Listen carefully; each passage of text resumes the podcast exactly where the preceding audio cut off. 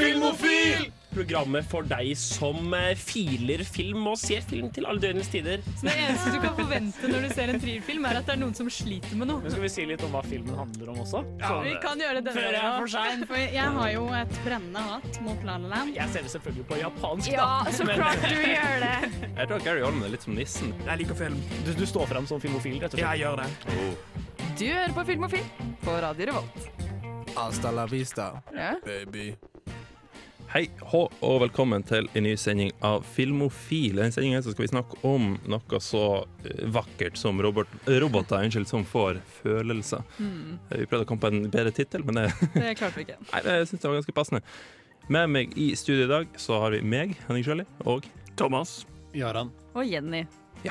før vi setter i gang med å snakke om uh, dette temaet, så skal vi høre ei låt. Vi skal høre Pom Poko med uh, Crazy Energy Night. Ja, der hørte vi altså Pom Poko med uh, Crazy Energy Night. Vi pleier å starte sendinga med å snakke om hva vi har sett siden sist. Så Thomas, kan ikke du Ja, jeg har vært nede i Stavanger og besøkt en av mine barndomsvenner som har født sin første unge. Og ingen film Ai, ai, ai. sier liksom 'første unge' som den nyeste Predator-filmen. Nei, nei, selvfølgelig ikke. Så med sånn tre måneder valp på, på armen satt vi og så Predator. Hun sov gjennom alt, så hun er klar. De gamle, eller den eh, Den nyeste.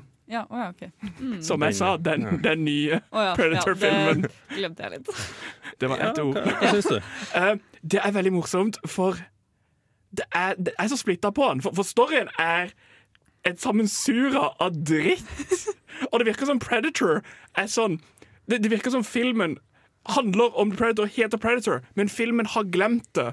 Og Predator må hoppe inn i sånn ny og ne. Sånn, Folkens, det er jeg som er filmen.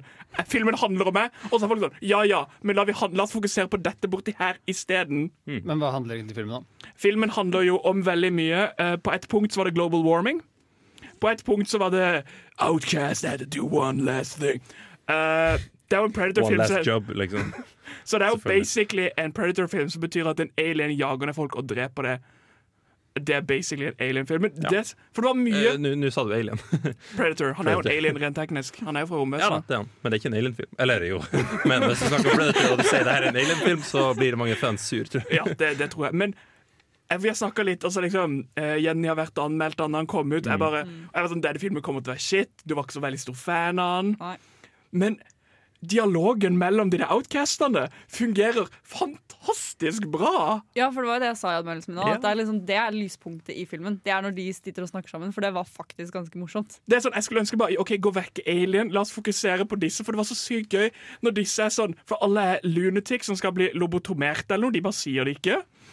Og så, Det er bare så fantastisk hvordan en er junkie. Og, det er, bare- de har kidnappa en dame, og så skal de få henne til å føle seg velkommen, så de setter te rundt henne og en liten aluminiumsfolie katt eller et eller annet. Det var fantastisk weird, det de driver med. Og det var, det var gøy å se på. Ja, fordi de er gærninger, liksom. Ja, de de, de loonies. Det er dialogen og karakterene til Shane Black, uh, som var i den aller første Predator-filmen. Ja, stemmer. Han var med skrev den. man, ikke? Vi Mange tenkte jo at dette skulle bringe Predator-serien full circle, for, altså hele veien rundt, fordi han var med og skrev spilltiden, Ja. og nå skrev og regisserte den nye Predator-filmen. Ingenting også. sier dette er en god måte som en av skuespillerne for originalfilmen. Men igjen, han har gjort mye bra. Det er jo samme fyr som skrev Nice Guys. Og regisserte. Og regisserte sånn, er liksom, Han er en flink regissør og gjør veldig mye bra, bra arbeid. Men det var liksom, hele problemet med denne filmen var at det var en predator i han. Det er jo problemet med filmen. Problemet er I filmen som heter The Predator. ja, hele problemet med den filmen Jeg sier jo ikke at det er en god ting, men liksom hadde du fjerna Predator og bare fokusert på dem, så hadde det vært en mye gøyere film. Hvis du hadde heller gjort at government prøver å jage ned disse folkene istedenfor bare Predator. Anbefaler du den til nyfødte barn? Uh, ja. For å sovne til. Ja. Nei, jeg, jeg har også sett noe siden sist. Jeg så eh, en eh, TV-serie, faktisk. Jeg det, er det en natt? Det er en Nei, det er ikke, det er ikke en, er, En dag. Når ja. en dag. To netter, heter det faktisk. Nei, den, eh, den, eh, Jeg så serien uh, eh, er litt sånn forvirrende tittel, men det, på engelsk var det vel American Dynasty. The Kennedys. Noe sånt. Eh, Det er en helt annen tittel på norsk, men i alle fall det handler eh, Du tar et dypdykk rett og slett i hele Kennedy-historia siden eh, Jack blir født, eh, og til eh, nutid, rett og slett. Veldig interessant. Er det en live action, eller er det liksom den der dokumentarstilen som jeg føler har kommet veldig mye på banen? Er Hva mener du med dokumentarstilen? Altså, da mener jeg sånn, Er det sånn, liksom found, sånn footage som er filma, mer profesjonelle som snakker over det, eller er det sånn reimagining og en ekte story? For eksempel OJ Simpsons. Ja, ok, skjønner, skjønner. Ja, Ikke Ted Bundy American Files, men mer liksom. American Crime. Hvor er det det ligger hen? Ja, nei, ja, det, er, det er absolutt uh, fan footage. Altså, de tar rett og slett uh, videoer, bilder, historier og sånn om fyren, og så har de folk som har skrevet bøker om Kennedy-familien, og sånn, som kommenterer på det. Folk som kjente folkene mens de levde, og sånn. Og det var faktisk Martin Sheen av alle personene som har laga den. Og det er faren til uh, Charlie Sheen, den gærningen som alle er kjent med. Han spilte i uh, The Departed. Og da spilte han også i National Treasure. Det kan stemme. Han er- Ja, han er ja, ja, stemmer. Han spiller, ja, stemmer. Han spiller ganske mange fedreroller. Ja, men han var jo, han var jo Uncle Ben i Spid Amazing Spiderman. Han er vel den beste Uncle Ben vi har hatt. En av, Synes jeg. ja. Ja. Nei, men jeg, jeg må si den serien her eh, er veldig bra. Eh, Det var eh, og veldig overraskende at Martin Sheen av alle personer laga den. Jeg pleier sjelden å sette meg inn i hvem som har laga dokumentarer, fordi jeg føler ikke at Jeg vet ikke. Louis Theroux, for eksempel, han føler setter sitt preg på det, men det er ikke han som har laga det, på en måte. Så derfor føler jeg at det er mer hvordan det er presentert som er viktig for meg, ikke hvem som har laga det. Men det var det Martin Ja, man, man kan føle litt at på en måte, personen bak ikke er like viktig som liksom, hvis det er en Scorsese-film. Liksom, så du det merker det, for at det er en, en del av laget filmen er å være regissør, mens man kanskje ikke føler det like mye om dokumentar. Det handler mer om er dette et subjekt jeg syns er spennende, istedenfor Ja. dette er en person som pleier å håndtere dette bra. Scorsese er jo en fyr som lager dokumentarfilmer òg, på si. Og det, akkurat som med Martin Sheen, som sto, sto for den dokumentaren.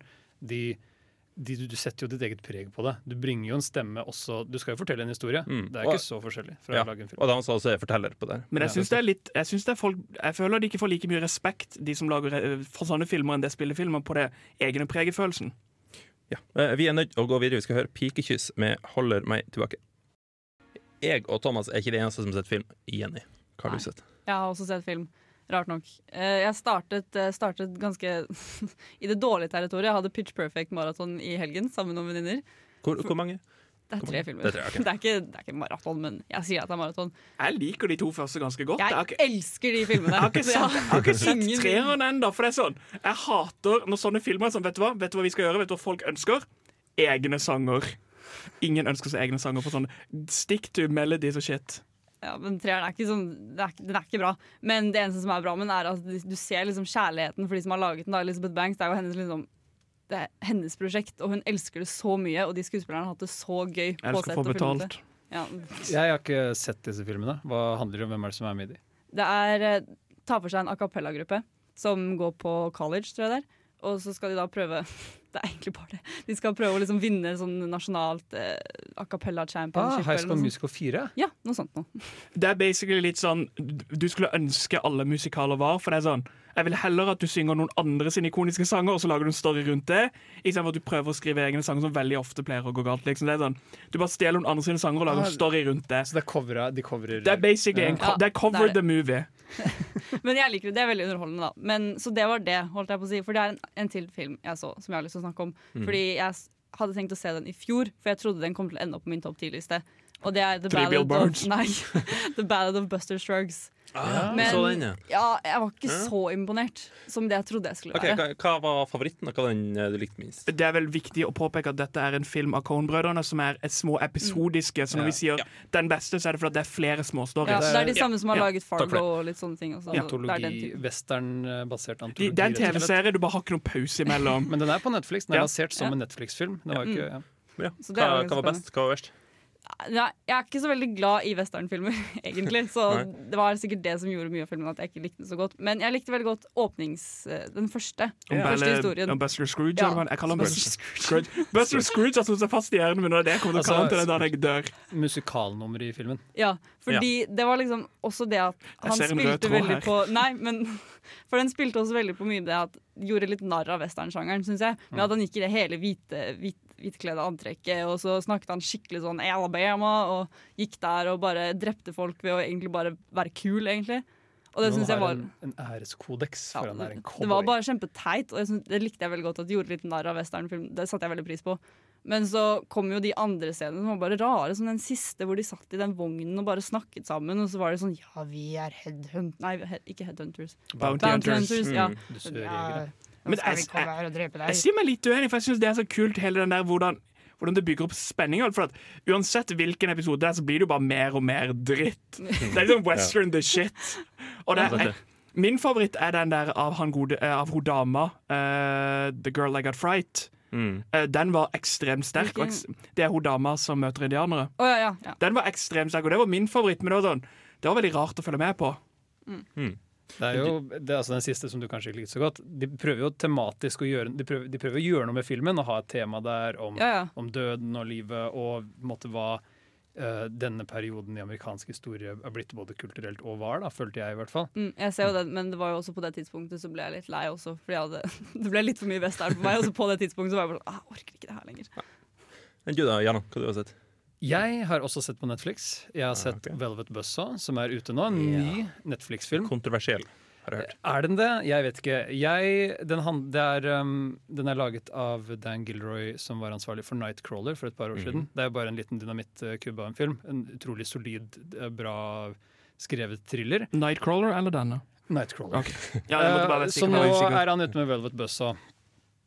Og jeg har vært spent på denne filmen. Og jeg tror mange reagerer negativt på filmen rett og slett fordi de forventer noe annet. Det er dårlig markedsføring av Netflix, det er en dårlig laget trailer. Fordi det, det den egentlig handler om, er en gammel mann dør. En protesjeen til en gallerieier finner all den rare kunsten hans.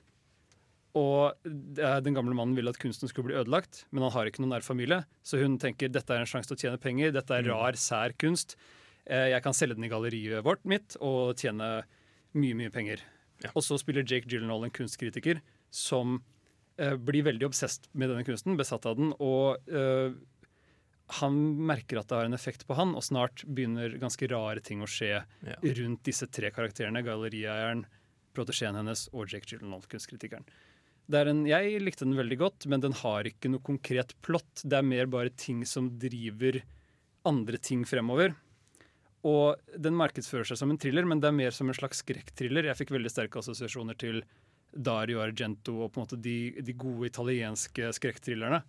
Eh, så jeg tror Netflix har laget sin første kultfilm her. Sin egenproduserte kultfilm. Og jeg, jeg, jeg anbefaler den til de som er interessert i å se noe litt annerledes på Netflix. Veldig spennende. Fordi jeg, eh, når jeg så eh, Jake Gyllenhaal spille en ny film, så blir jeg hjertet mitt hoppa. Selvfølgelig. Jeg tenker, yes, endelig, noe for meg. Han gjør en god rolle, men han er ikke hovedkarakteren. Ja, Nettopp. For jeg har hørt mye dritt om den. Folk som mener at det her var en haug med søppel. Den blir beskrevet som Men med din velsignelse Ikke de skjønte det, Nei, de som de sier at det er søppel. De skjønte det bare ikke. Og da er det bare enda bedre å se den, Fordi da tenker du hva Jeg er det som Jeg sier som of Underworld. Altså, kritikk det er emosjonelt eh, tappende Ikke sant? og utmattende. Vi skal høre litt eh, nyheter fra filmverdenen, men før det skal vi høre Kakk Motherfucker med Runaway Girl. Filmofil presenterer nyheter fra filmen og fjernsynets vidstrakte verden. Nå over til nyhetskorrespondent Henning Sjøli. Prank. Nei da. Det er fortsatt meg. Ja. Ja. Uh, jeg skal prøve å ta dere gjennom ukens ikke så veldig spennende filmnyheter, men det er noe, så ikke gå ennå, da. Please. For i forrige gang bytt kanal, du. Du trenger ikke forlate rommet hvis du er uenig med nyhetene. Du kan få lov å bli sittende og bytte kanal, men ikke gjør det, vær så snill. Please. Please. For forrige uke så var det litt sånn DC-snakk. Og mm. det er mer, skjønner dere. Fordi det skal i mai 21. uh, ja, 21. mai 2021 så skal det komme en DC-film basert på da dyrene til alle superheltene. Så det skal være en film som tar for seg da f.eks. Crypto the Superdog. Aquamans Seahorse Storm, og så Harley Quinns Hyenas Bud and Lou, eksempel. Og katten til Batman. Ja. Hæ? Har Bat- Seriøst? Batman har ikke en Jeg vet ikke, jeg katt? tenkte- Batman har en kan vi ikke- hund. Jo, kan vi ikke Batman har en Streaky hund. the Supercat. Ja, Nei, ja, det han er har Ace en the hund. Han Bathound. har en hund, det er Ace the. Ja, det stemmer det. Det, det, hva er det han heter nå? Nå husker jeg ikke navnet, og nå ble jeg litt sykt Ace trist. the Bathound. Ace the Battle. Han er hyggelig. Jeg Jeg bare håper det er sånn de samme folkene som lagde den der Suicide si- Squad. nei, nei, nei, Secret World of Pets, som bare er sånn s- katteversjon. Så er det sånn Dr. Doom sin katt, og bare mjau. Bare, bare, bare si, jeg eh, er det én film med alle de, de her eh, Ja, det er én film. Ja, OK, så det Jeg trodde det var Det hadde standalone-filmer. vært så Liksom. gøy å DC Cinematic Pet Universe. Det er så gøy sånn der er sånn, er sånn Tenk deg Batman v Superman, bare det er liksom hunden Det er de samme hodene, det er bare liksom hunden og katten som blir bytta inn som Batman. Altså, Jeg hadde sett det, jeg hadde kasta penger på det. Jeg vil, vet du hva? Vil du høre på hvem enn som er ansvarlig for DC, lag meg en Batman v Superman, dog versus dog. Det kan at det blir nå, da, hvis denne blir Dawn, en suksess. Dawn of the Wolf, eller hva vi skal kalle den. Dawn of the Bone, eller hvem er det som skal lage den? Har det blitt sagt navnet? Uh, det? Eh, tror jeg ikke har blitt sagt noe Jo, uh, is being directed by Jared Stern and Sam Levine med Patty Hicks producing. Er det noen som vet hva de har gjort før? Jaran, vær så god. Ja, Jeg vet faktisk ikke hva de har gjort for, ja. men dette høres ut som folk som går i dress og går på møter og sånn. Det kan godt hende. Jeg, men er, er det noe nyheter om det skal være CGI, eller skal de trene masse dyr? Det hadde vært veldig gøy å se de trene Jeg tror det blir vanskelig. Nei, nei, hunden kan trenes. Jeg vil si de pre trener Aquaman sin Seahorse. For der må det noe sånn Hobbit Force Perspective. Force perspective. Og det vet så, ah, Men Vet du, dette- dette er en film jeg har lyst til å ha. Folkens, dere Ja, men jeg tror det skal bli noe animasjonstype ting. Jeg Og så er det også ja, også, Jo, det jeg leste, at eh, det er Jared Stern. Han har også vært med å lage eksempel Lego The Batman Movie. da Ah. Så det er den type Ok, Men det var ikke den beste Lego-filmen? Nei, det var hva jeg har ikke det. Nå har ikke jeg sett den, Av alle to. ja. det, Ja, nei, er det det er The. Lego Ninjago Movie også. Ja, det det. Ja, men Han er bedre enn det. Han er ikke liksom, du, da- du, Når du snakker Lego Movie, så snakker du Lego The Movie, og så snakker du Batman The Ja. Lego Movie, og så snakker du Lego Movie 2. Jeg føler ikke man snakker om liksom Besago og alt det der pisset de har lagd der. for det der eh, Ninjago-greiene Det er jo faktisk bare reklame laga stort sett av altså det, det er vel deres innsats å lage det her de- de er- animasjonsseriene. Lego-filmen er jo basically bare reklame. Hele greia er bare reklame. Det er bare én stor reklamefilm. Det, er det, det er den beste reklamen noen gang For både Lego og nå også Duplo. Ja, uh, den Nei, burde faktisk Jo, det er jo toeren som er Ja, plottet. Den burde, bli, den burde vunnet den der gullfisken som har gått på TV2. vet du Beste norske reklame. Den burde gått til Lego-filmen The Movie. For det er, jo- Beste liker, norske reklame. jeg liker at det er Lego-filmen The Movie jeg sa. Lego-filmen The Movie. ja. Ikke sant? Men eh, tilbake til jeg forventer Jeg er klar for eh, en hundefilm Ja, om superhelter. Ja. Vi uh, må egentlig bare gå ut klokka her. Vi har veldig kort tid igjen. Men en annen ting da som man kan si om det her, Ja. er jo at det er eh, basert på De har tydeligvis prøvd på noe sånt her tidligere. Jeg tror det er på okay. Cartoon Network eller et eller annet sånt. Nå så har de laget noe animasjonstype ting med disse superhundene og kattene og alt mulig. Og det ser jo ikke så veldig bra ut, så jeg håper de gjør det bedre enn som så i det nye her nå. Tror du liksom konseptet kommer til å være at disse uh, superheltkjæledyrene har liksom et hemmelig liv? Så det er sånn, De må skynde seg Secret hjem og legge seg, ja, og legge seg foran peisen før Batman kommer Ha- hjem. liksom. Men har de ikke allerede et secret life som de secret superheltdyrene som de er? Men burde ikke også dyr få lov av ha hemmelig identitet? De må jo beskytte sine nærmeste. Dun, dun, dun. Og jeg har aldri sett Batman redde en hund før, så kanskje hundene ser eh, et marked. Den redder Batman. Kanskje det. Vi skal høre låt før en liten pause. Vi skal høre Planet Giza med Brg Frm Nrml feat Uh, Mick Jenkins. Hei, mitt navn er Atle Antonsen. Du lytter til Filmofil på radio Revolt, og det gjør du helt til programmet er ferdig. Ferdig. Nei da, programmet ikke ferdig. uh, Jenny, det. har du flere nyheter? Jeg har flere nyheter. Først så kan vi jo da Hvis dere husker, så har det jo vært allerede en Mario live action-film som har blitt laget. Snakker vi Super Mario som i Ja, gamet? Super Og det, dette er litt morsomt, fordi de hadde Nintendo-sending på Nerdeprat rett før oss. Hey, Så dette er Så continuing. Ja, ja. passende, passende. passende. Fordi den kom jo ut i 1993, Ja. og den har blitt ansett som en av de verste filmene sånn noensinne. Eller noe sånt. Den er helt Yep. forferdelig. Og, men nå skal de prøve på nytt, da. Nå skal de lage en ny Super Mario-film. Eh, som kommer rundt 2022, tror jeg det er. Og det er um, um, Er det animert denne gangen? Det er animert denne gangen. Ja, tror så heldigvis prøver de prøver å gjøre det riktig. Og der, i tillegg til at den er animert, så er det Illuminations som skal animere den. Som er noe dritt. Nei! Ah, hvem er det som har laget Hva de har laget? Grusomme meg Stemmer. og helle den pakken. Altså, de, men de har også Stemmer. lagd den der, eh, de der eh, Minions-filmen. Mm, Ja, Altså, meg, sa. Jeg liker hvordan du smiler, men den, det er shit. Jeg vil ikke ha det i nærheten av noe. Nei, men animasjonsstilen, den er bra. Det, det er ikke noe spesielt Nei, med men jeg liker animasjonsstilen. den var- Illuminations animasjonsstil. Jeg syns den er skikkelig søt. Så jeg synes det er, liksom, det er, jeg synes Ja, men det er bra Mar jeg synes egentlig det du håper på, er at Mario skal bli cute. Ja. Han er en feit rørlegger. Eh, Poenget er at det er i hvert fall ingenting å utsette på det. Hun liker det tilfeldigvis, men uh, du har ikke noe å utsette på det. Du, du mener at det ikke er eksepsjonelt? Det betyr ikke at det er dårlig? Jeg kan si meg enig, men ja. ja. Jeg har en liten sånn Ikke at jeg er en Super Mario-fan eller har noe behov for å se denne karakteren, som Super Mario har jo ingen egentlig karakter, brakt til skjermen, men det Illuminations ofte gjør, er at de er litt kommersielle og sjelløse i produktene sine. De bruker mye sånn popmusikk som ikke holder Ja, ja. seg så bra over tiden. Jeg, bare, jeg føler jeg ser allerede for meg traileren, som er sånn Because I'm Mario da, da, Det da, er, ja, det er sånn, Super Mario Å, nei, ja. står opp. Det er sånn, dette er traileren for Super Mario-filmen. Vekkerklokka går av. Pip, pip, pip. Happy Afraid Williams spiller. Super Mario står opp, og han går liksom og pusser tennene eller et eller annet, og, ta, og så ser du han ta på seg liksom hatten hans. Og så, uh, Og så gjør han det der som i Tom Cruise-filmen hvor han glir bortover stuegulvet mens han synger på sangen. Der, der, der, der, og så har han liksom, et ser kjæledyr eller noe, så er det en sånn dustete popkulturreferanse inn der, og så sier han liksom på slutten It's a me, Mario. Denne sommeren. To brødre. Mye av mitt problem er det at Mario er en sånn established character. For jeg tror de kommer til å gjøre dette bare fordi Wrecking Ralph har gjort det så bra. Og Wrecking Ralph var en ting som ikke var så kjent, derfor kunne du skrive en egen story rundt det. Super Mario er så ikonisk at det blir vanskelig å skrive en god story rundt. Jeg er redd. Det kan også være fordi de ser Sonic og tenker at hei, vi tar en spillkarakter. Men jeg tror også greia er at de vil, de vil liksom prøve å expande Nintendo sin til fra ikke bare gaming, men til filmer også. Ja. Med dette. Ja. Noe litt, eh, noe litt bedre, kanskje, enn uh, Super Mario. Pokémon i film. Kan vi ikke prate om Nintendo Cinematic Universe? Jeg var helt klar for det. Å nei. nei, men det skal Velkommen komme til ditt verste mareritt. Mario som synger 'Happy'. This is not a dream. Do not adjust your television. You have entered the. Twilight Zone. Uansett, så kommer det da eh, Nå skal det endelig komme toeren, eller oppfølgeren, da, heller, til The Shining. Som skal hete Doctor Sleep.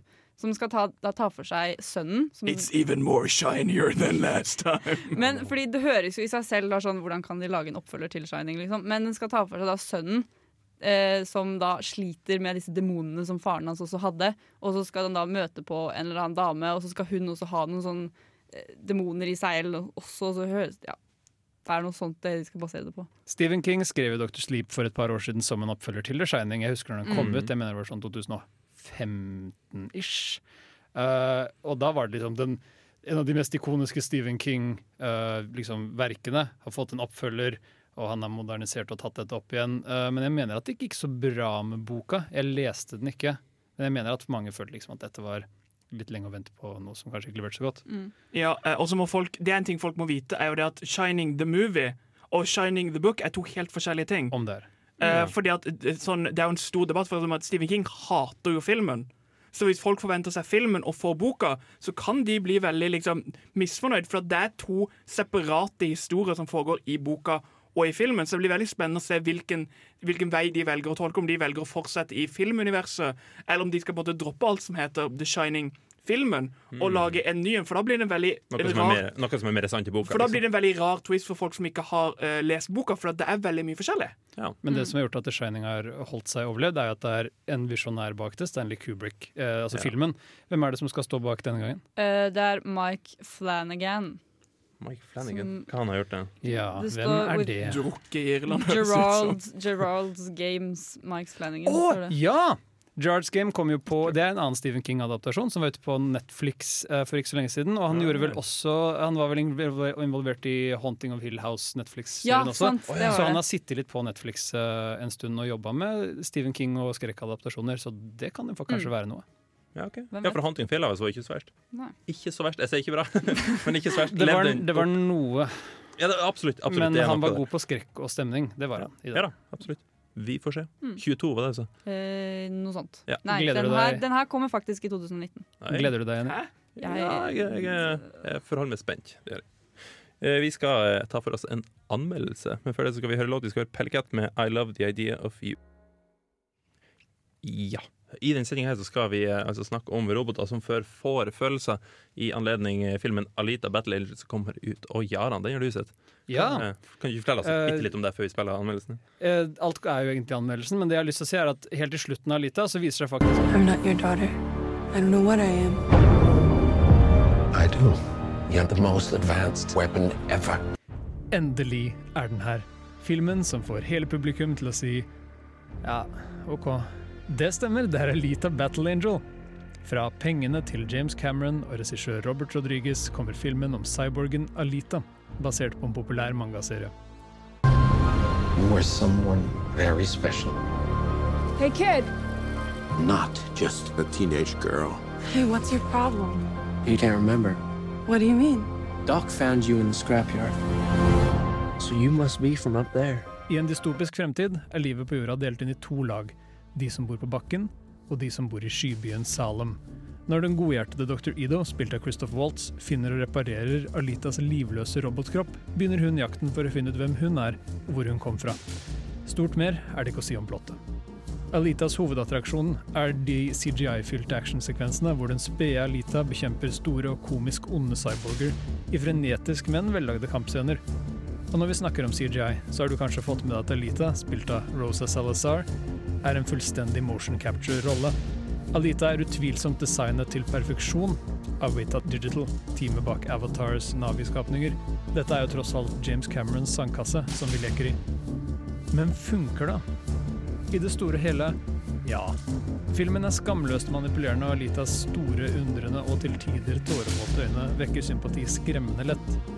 CGI-en brister så klart her og der, som i tidenes minst overbevisende forsøk på å spise en sjokoladeplate.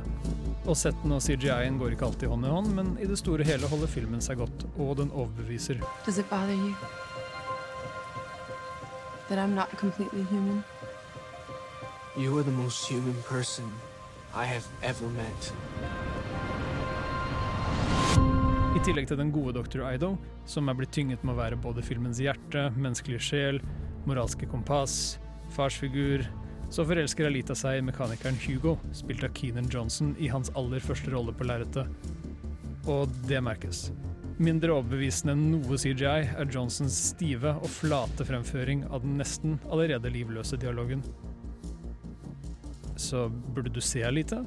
Hvis du har en 13-årig gutt et sted dypt der inne i sjelen din, så ja. Filmen er rettet mot tenåringer og mot superheltfans, og den holder god stand mot standarden satt av de siste Marvel-produksjonene, som upretensiøs, lett underholdende datagenerert action. Det filmen mangler i sjel, gjør den opp for i slagsmål. Men jeg kan ikke anbefale filmen. Med unntak av CGI så er det ikke noe imponerende eller nytt med Alita, og jeg gir den et terningkast fire ut av seks. Ja, det var ikke varme ord her, da. Så det er mer en liksom popkornfilm, da. Dette er en popkornfilm. Ja. Jeg likte bare den, jeg følte sånn slakten i begynnelsen, og så bare jeg var helt OK fire. Jeg bare, hva, hva er en toer i din verden hvis dette her var en firer? Jeg bare, damn! Jeg, jeg må si at jeg personlig, for meg så er dette en treer. Men for de som går på kino, så er nok dette heller en firer. Og det må jeg ta hensyn til, føler jeg. At altså, jeg er ikke egentlig tverrsnitt av kinogården. Det er det som er litt problemet med terningkast, spør du meg. Men, ja. Så det du vil si at dette er liksom ikke Dette er ikke Oscar-materiale. Dette er bare sånn Jeg har en 150 kroner til overs, jeg vil gå og more meg, jeg vil ikke tenke så mye. Nå som Black Panther er nominert for Oscar, så kan denne godt få Oscar òg, spør du meg.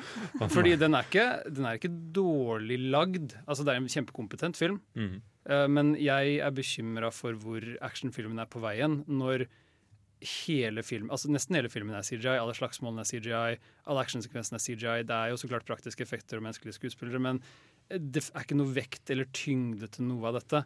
Jeg savner uh, at eh, Harrison Ford kan slå en fyr på kjeven på en litt kunstig måte, men det føles mye mer ekte enn å se alle disse robotdelene som flyr over hele skjermen hele tida.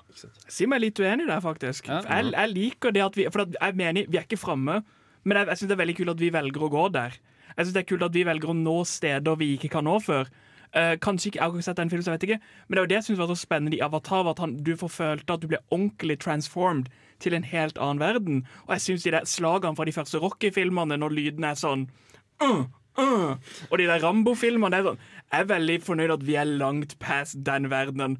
Og hvis du vil se virkelig slåsskamp, så se på boksing eller MMA. Hvis du ser noe som ser kult ut og ikke kan oppnås i menneskeverden, det er da jeg går og ser actionfilmer. Det er, eh, det er gyldig å si det, og det er derfor jeg har gitt filmen fire i anmeldelsen. fordi det er, det er mange som vil se dette. Jeg eh, er som sagt bekymra for hvor actionfilmer er på veien. Hvordan var Christoph Waltz? Du sa han hadde ca. åtte jobber i den filmen. Christopher Christoph Waltz gjør altså et skikkelig godt stykke dagsarbeid, Ja. men han får ikke altså, det, Dette er ikke hans beste rolle. Han er ikke, han er ikke Inglorious Bastards Christoph Waltz. Han leker seg ikke med rollen. Han får ikke tid til å leke seg med rollen for annethvert minutt. Så han sier sånn Alita, this is just a shell. What you do with it is what makes you good or bad. Han er liksom exposition the man, Ja, liksom. det er det Hver gang han prater, så er det sånn After the war. Ikke sant? Han bare forteller hva som har skjedd til publikum hele tida. Så Og så forklarer han karakteren til Alita. Og Ja, liksom, you are a robot. nei, nei, ne, ne. Anbefaler du denne over den delte filmen uh, of Ready Player One? Ja. Jeg Ah. anbefaler den over Ready Player Det var One. et godt spørsmål. Eh, fordi jeg, jeg likte ikke Ready Player One i det hele tatt. Denne er i hvert fall fri for utrolig slitsomme referanser. Eh, det føles som sitt eget univers. Det føles ikke som et fullstendig univers, men det føles som det er gjort noe eget. i hvert fall. En ting jeg eh, tenkte når jeg så Ready Player One, som vi har nevnt i uh, Filmofil flere ganger, det er at jeg følte at det var veldig Når han var god, så var han veldig god. Når han var dårlig, så var han veldig dårlig. De her klisjete kjærlighetsscenene, ikke sant? Elendig, ordentlig skvip. Mens en del av de actionscenene ganske bra, og humoren syns jeg var også, også ganske bra. En del av referansene òg. Veldig artig. Synes jeg. Men hva, hva tenkte du om Alita? Var det sånn Var det sånn at de hadde noen veldig gode sider noen veldig dårlige sider, eller? Eh, dette er regissert av Robert Rodriguez, en Mm. mann jeg ikke er helt sikker på hvorfor folk liker. Han lagde vel Sin City, greit nok. Men uh, hver scene i Alita minner meg om andre ting som er bedre. Og det gjorde for så vidt Ready Player One òg. Det er sånn «Øh, Bilen fra Back to the Future. Kanskje jeg bare skulle se Back to the Future i stedet. Og her er Det sånn, det er en scene hvor Alita banker opp en haug med skurker eller Bounty Hunters i en bar. ikke sant? Ja. Og det første jeg tenker er Å, jeg husker den scenen i Serenity. Den var jævlig kul. Der var det veldig lite CGI når, um, Ja, når River banker opp alle disse folka i en bar. For de ligner veldig på hverandre, men her er det CGI uh, altså oppå i mente. Mens Serenity er et eksempel på en god actionfilm hvor du har uh, altså um, ekte mennesker og ekte slag, ekte ja. Ja, ikke sant. Jevnt over. Litt sånn kjedelig, eller? Ikke Jeg, jeg, ut, jeg tror mange vil like denne, som uh, Thomas nevnte. Hvis du har 150 kroner ja. og er litt lei av å være ute i februarkulda. Vil ha en god popkornfilm. Vil spise popkorn, ja. Ja. Med det så må vi høre ei låt. Vi skal høre Combos med Degenerate. Denne sangen passer veldig godt inn i filmofil-viben, spør du meg. Vi er veldig eh, rocka, er vi ikke? Ja, det, rocker, det rockes så hardt. Vi er så Ja, ja. rocka, mann, altså! Vi har nesten blyforgiftning up in this bitch! Ja, ikke sant. Sitter på første rad i klasserommet. Andre rad, herregud. Vi, kan ikke, vi må følge med, men vi kan være litt unna. Ja, ikke sant. Som sagt, I den sendinga skal vi snakke om roboter som får følelser. Og da eh, tenker vi litt sånn spesifikt om altså, filmer som tar for seg det her som et, eh, et av hovedelementene i filmen. Så ikke eh, se for deg Star Wars, ikke sant, som liksom Mm. har R2D2 og sånn. Det, eh, det blir ingen spørsmål som blir stilt i det her. Men altså eh, Ja, hva, hva tenkte du om? Hvorfor er det her så appellerende? Hvorfor liker vi filmer som tar for seg roboter som forfølgelse. Ja, For det første så kan man jo nevne det med at eh, sånn AI og roboter generelt er noe vi fremtiden vi faktisk går inn i. Og når vi ser det på film, da, så er det liksom sånn så, Som oftest så tar filmen da for seg at roboten enten tar over verden, eller enten blir onde eller gode. Og det er jo noe vi ikke helt vet hvordan, hva som kommer til å skje med videre i fremtiden. Og det er derfor jeg, jeg syns det er litt interessant å se på. Da, bare sånn, hva, hva kan egentlig skje? Og bare sånn, nei, dette her kan umulig skje. Det kan vi fint holde oss unna. Jeg tror også det er, det er litt sånn som ble sagt av Jenny, men det er denne følelsen av at det reflekterer veldig fint hva er framtiden. For du kan, sette, du kan fjerne følelser fra ting og bare sette kalde logikk til noe. Og hva er det vi er redd for kommer til å skje? Hva, hva kommer til å skje i en framtid der følelser og dataer eh, blandes og eventuelt blir tatt fra hverandre? Hmm. Ja, vi omgir oss jo med AI altså, akkurat nå. Ja, ja. Jeg har en uh, Altså, vi har invitert AI inn i huset vårt, vi har kunstig intelligens i nettbrowseren vår, og som behandler dokumenter i offentlige data. Sånn som Henning er ikke i dette studio, han er bare en AI vi har programmert. Han er, jeg er et program som hørte 10 000 sendinger av Filmfil. For det, det går vel tilbake til 80-tallet. det. Så satt de sammen et It's a gjennomsnitt. conspiracy. Hen Henning 2.5, er det det vi er på nå? det er. Henning 9000, faktisk. Den mest effektive. Jeg bruker aldri Nei. Um, jeg vil uh, se at Grunnen til at jeg syns de filmene er interessante, er fordi du ser menneskene, på en måte. Når du, når du, når du tar uh, følelsene ut av et menneske, og ser på hva er egentlig følelsene når det er ut av et menneske, så får du en mulighet til å se på mennesket på en annen måte. Det er veldig vanskelig, vanskelig å legge ord på det, men uh, du får se mennesket fra utsida, på en måte. Det er det er det jeg tenkte Mm. om. det Og så tenker jeg for jeg føler de, mange av de AI-filmene vi skal snakke om, er ganske nye. Mm. Og det kan ha, du kan også legge et argument om at mye av grunnen til at det har blussa opp igjen, har med sosiale medier og følelsen av å være isolert fra verden. Det er liksom det ikke finnes ordentlige mennesker vi interagerer med engang, liksom. Ja. Ja, det er også noen filmer som tar opp det temaet liksom, rent spesifikt. At eh, mennesker blir mer og mer ensomme. Så finner de på noen som kan underholde dem, rett og slett. Altså, Det finnes jo altfor mange dårlige internettsteder som kan løse disse problemene. ja, ikke sant? du, eh, Cleverbot, for eksempel. Så går jeg cleverbot.com, der kan du skrive eh, Så kan du ha en sånn ganske ræva samtale. Jeg tror ikke han kan ha samtale i ledd, så han kan bare svare på enkle spørsmål, og så glemmer han det du spurte om senere. Altså, Høres ut som god samtale. jeg hadde nettopp tenkt å si det, Tom. Nei, ikke det. Er, er ikke eksperimentet det at de, den tar Jo. alt som folk skriver til den, og lærer fra alle samtidig? Så du kan ha en samtale med den, så du brygger den opp løk fordi den andre har prata med den om løk? eller veldig ofte rase, eller eh, Nettopp, mer fordi- ja. politisk ukorrekte temaer. Ja, nettopp. Det er veldig mange som går inn dit og bare bombarderer han med eh, propaganda fra et sentraleuropeisk land. Det 30-tallet, finnes for å si det så sånn. mange morsomme sånne AI-historier fra virkeligheten, sånn som når de lot en datamaskin være Ja. på internett i fem minutter og kom ut som fascist. Ja, og jeg kom ut som suicidal, og siste sist måtte de skru av. Det var bare, alt bare ble ille. Ja. Nei, så for å, for å sette en liten spiker i hva vi snakker om, så er det altså filmer som tar for seg de her eh, ropene som får følelser, i hovedsak. Ja. For eksempel ikke Star Wars. Vi skal ta, ta fra oss flere eksempler på filmer som ikke faller innenfor den kategorien her. Etter vi har hørt ei låt. Vi skal høre Juno med Mike. Der hørte vi altså Juno med sangen eh, eller, Unnskyld, låta Mike. Nå skal vi snakke om filmer som ikke helt passer inn i det temaet vi har eh, etablert, altså roboter, roboter som får følelser, som eh, dominerer historien av filmen. De kan, passe inn, de kan ikke passe inn av forskjellige grunner, så kan vi høre noen eksempler på det? Jeg tenker Vi skal bare begynne med å, med å bli kvitt alle filmnerdene i det her rommet. Okay. Og si at vi har valgt å ekskludere 2001 A Space Odyssey. Fordi Hal er bare med i en tredjedel av filmen. Men Han er et godt eksempel, men han er ikke, nok, han er ikke viktig nok i filmen til å være med. Så hvis du er klar for den kampen der, så kommer den senere. Ta det på Facebook-sida. Det jeg. tenker at hoved, uh, hovedelement Eller hoved, herregud, momentet i den historien er utvikling av mennesket, Ja. ikke utvikling av en datamaskin. Datamaskinen er der. Det er bare et plot device, på en måte. ja, den, ikke bare, sant. den bare er der for Det er å gjøre, gjøre litt mer spennende. Ikke sant? Det er derfor vi i det store hele har sløyfa en del actionfilmer. Altså de Yep. rene actionfilmene. Det er sikkert mange som tenker Hvor er iRobot og Terminator og sånn? Det blir egentlig mer en egen sjanger i seg selv. Eller ikke en egen sjanger, men en egen liksom subsjanger av den typen filmer i seg selv. Disse rene actionfokuserte filmene hvor AI-en nok en gang tar baksetet, da. Så må det også ikke være bare denne magiske tingen. Sånn som i Star Wars, så er det bare der Ja. fordi det er der. Ja. Liksom, I Terminator så prøver de å forklare det, men det er veldig sånn Det er bare et element som driver Stone er en, et hovedspesifikt element som de filmene vi kommer til å snakke om, handler om. Men filmer som bare bruker det som et magisk element, at det er der, som ekskluderer ganske mange av de liksom eh, spacey, spacey eh, seriene som Mm. ikke tar for seg dette som et seriøst tema, også blitt ekskludert. Ja, for sånn som vi nevnte også, da, så skal, det er for, hovedsakelig to typer AI da, som vi kan fokusere på. Og det er den første som er liksom den som Når det er i hovedrollen av filmen. AI når det, de prøver å lærer, på en måte, og de utvikler seg, og den type, den type AI. Og så har du AI eller kunstlig, kunstlig, intelligens og alt mulig sånn som bare de, de har ikke noe stort poeng i filmen, egentlig. De er kanskje imponerende i seg selv med at de kan ha følelser, eller de tenker og sånne ting, men sånn som i 2001, da, at de ikke har så mye å si. Og det er jo det vi ikke skal. Skal vi, skal vi driste oss på en definisjon av uh, kunstige intelligensen, eller skal vi Hvis du har en, så legg den fram. Ja, Vi er ikke sånn så gode på definisjoner, egentlig. Vi kan- Hvis ikke dere liker hans definisjon, gå på Facebook-gruppa og angrip. Ja, eller bare ring meg på 1995 så kan vi ta det der. Uh, Det er det ekte nummeret, dette òg. Ja, det er. Jeg tror ikke, jeg tror ikke det er noen som hører på som kommer til å gjøre det. Nei. Dere kan også vippse meg, men uh, eller er det ikke lov å si, kanskje. Uh, Nei, ikke lov. Hvis vips, ikke vips meg, da, da får jeg ikke være radioen mer. Nettopp. Eh, det jeg tenkte på vi skulle si altså, Hadde du et poeng? Eh, Jo, men, altså, mekaniske nettverk som kan lære, er jo er kanskje en veldig grei måte å Altså digitale eller mekaniske nettverk som er i stand til å produsere egne ting Yep. gjennom en læringsprosess. Ja.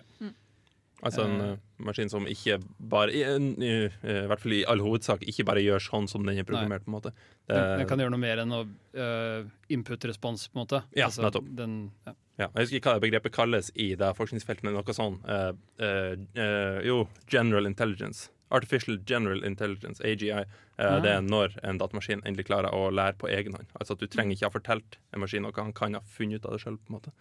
Det, ja. Jeg vil også driste å legge inn at det skal ikke bare være filmer som omhandler AI, det skal også omhandle prosessen rundt og konseptet AI, Ja. enn bare det at Det er. AI er en viktig del av det. Så det, det skal ikke være filmer der bare AI blir vart, men det skal være et av hovedprinsippene om hvordan det blir lagd, og det skal sette spørsmålstegn på at det faktisk er en AI. det spørsmålet er nesten blitt tatt opp i filmen før det er godkjent. Nok en gang eh, en grunn til at vi ikke har med HAL 9000. Ja. For selv om vi alle sammen er glad i HAL, så ja. Dave er ikke glad i Hell. Jeg er veldig, veldig- ja, nei, Dave er ikke glad i Hell. Han er rimelig sint på Hell. For du har jo også sånn film som Wall-E, da, er et Mm. eksempel på hvorfor har vi ikke med Wall-E. Men det, man kunne jo godt snakket om Wall-E, men der er det mer sånn Der er de de er roboter, og det er liksom det som er hele filmen. Det er ikke noe storslagen som skjer med den kunstige intelligensen. Ja, ikke sant. Med det så går vi videre. Vi skal høre ei eh, ny låt. Vi skal høre 'Blomst' med penger i madrassen. Spenningen spisser seg til. Nå som vinteren nærmer seg, hvem har egentlig drept Laura Palmer? Hvem er den mystiske doktoren? Kommer William til å svare? Hva vil skje? Ukas TV-serie. Ja, det her var altså ukas TV-serie-jingle, og jeg gleder meg til den her er veldig utdatert, og ingen husker uh, den her er Skam. Ja, ikke sant? Ingen kommer til å koble at dere hva, eh, vil Kommer William til å svare? Jeg kobler til. Hvorfor er, jing hvorfor er jinglen bare begrensa til vintersesongen? Hvorfor er det ikke noe fokus på sommer? Nå når vinteren nærmer seg, liksom. Det er veldig Ja, vi er i Norge, og det er Game of Thrones. Jeg vil, også, Game of Thrones, var det? jeg, jeg vil faktisk tørre å påstå at det er Laura Palmer går hus forbi ganske mange av de som Nei, hører på. Det er så ikonisk at det må bare bli Ja, ja, men jeg Det er tror ikke folk skjønner det. Ja, men det er veldig trist at det gjør det.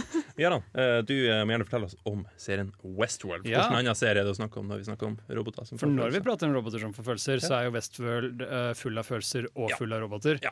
for de som ikke har Alt sett vi Westworld trengte. Og fulle roboter. og fulle roboter. Og eh, folk som har følelser for roboter. Og alt mulig rart. For de som ikke har sett Westworld eller ikke fått med seg Westworld, så er dette en TV-serie om en temapark som kalles Westworld. Hvor noen har jobbet veldig, veldig, veldig, veldig, veldig hardt for å lage utrolig livstro eh, roboter som lever i av alle settinger. Du kan velge hvilken som helst setting. De valgte Amerika rundt 1890-ish. Også kjent som Jenny sin favorittperiode. Ja, ja. ja, du elsker western. Ja. Eh, og det, det går vel egentlig ganske bra. Det virker som rike folk trives med å komme dit og leve ut de litt syke fantasiene sine. Eller bare dra på litt sånn artige eventyr i denne futuristiske temaparken. Men så går noe gærent. Uh-oh. Ja, for jeg vil jo bare påpeke at Westworld har jo nå to sesonger ute. Om det har. Eh, og da er spørsmålet litt, for jeg, for jeg har ikke fått sett de. Eh, er det sånn at det er to sesonger som henger sammen? For det er jo to separate settinger. Eh, nei, ikke helt. Det viser seg i løpet av sesong to at det er det, er- det er ikke sant, at det viser seg for alle, alle som gjester der burde vite dette, men det er flere De har et stort geografisk område, og innenfor det geografiske området så er det flere parker med ulike temaer. Så det er Westworld som på en måte er fokuset, og tittelen på showet. Men i sesong to så er det sånn Det er forresten en park satt til eh, føydalske Japan. Eller koloniseringen av India. Eastworld. Ja, Eastworld og Ja, det Ja, det er rett og slett det. Jeg tror det heter Shogun World Ja, og East stemmer. India World eller annet sånt. Ja. Men hvordan tar den, her første, eh, den serien her først et tema om roboter som får Ja, følelser? For robotene de har jo egentlig gjort, vært litt Jeg vet ikke hvor- kreative det er. Det er basert på en bok uh, som ble gjort om til en film for veldig veldig lenge siden, med Jul Brynner. Ja. Uh, men den Altså, robotene er en del av hovedkaraktergalleriet. Fordi denne tingen som går feil, eller denne glitchen, denne buggen, hvor enn dette kommer fra, det er noe i systemet som gjør at robotene begynner å gå utenfor de forhåndsprogrammerte prosedyrene sine. Mm. De er basically forhåndsprogrammerte skuespillere som har litt fri rom til å improvisere og lære av omgivelsene sine, sånn at de kan reagere naturtro til tingene som gjestene gjør med de. Enten de skyter de, voldtar de, eller bare spør om de vil ha et glass øl. ikke sant? Ja. Men plutselig begynner disse robotene å utvikle identitet, de blir selvbevisste. Og øh, hvis jeg plutselig ble, ble var min egen eksistens, så fikk vite at jeg bare var på en måte en spillfigur, så hadde jeg prøvd å gjøre opprør, og det gjør roboten også, da. Ja. Og det er det her som utløser eh, handlinga i serien. Det er det her, de robotene som prøver Ja, men det tar ganske lang tid egentlig? før det skjer. Ja, og det bygger på en veldig god måte. Ja, det bygges veldig veldig sakte, og det er uh, veldig ikke-lineær fortellerstil. Ja, absolutt. Jeg vil jo bare påpeke første episode, som er en av de jeg har sett. Mm. er jo det at det er veldig sånn spennende der både du har den der eh, liksom uh, våkner opp hele tida, for det er en karakter som plutselig begynner å innse at hei, jeg levde jo dette just ja. for, for fem minutter siden. At han begynner å leve opp, at du, både du får den der glitchen. For det, er- det er ikke sånn at du får vite helt fra begynnelsen at de er roboter, hvis jeg husker riktig. Uh, du får ikke vite hvem av karakterene det er jo, uh, Jeg tror I første episode så er det Dolores som en av hovedkarakterene. Hun Mm. er en robot. Hun uh, opplever en loop om igjen om igjen, om igjen, og det virker som det er liksom en, en annen cowboy i hvit hatt, som kanskje er en gjest, kanskje ikke er en gjest, som liksom har en romantisk interesse i henne. Men så viser det seg så Du får ikke vite altså, at denne karakteren er en robot, men så sagt, men jeg tror noen skyter han eller et eller annet sånt, og så skjønner du at ja, det er en robot. Det er et ganske stort, Ted det ja, Ja, det er et ganske stort karaktergalleri i Westworld. Mm. Uh, mye kjente skuespillere var med. Anthony Hopkins var i sesong én, og litt i sesong to.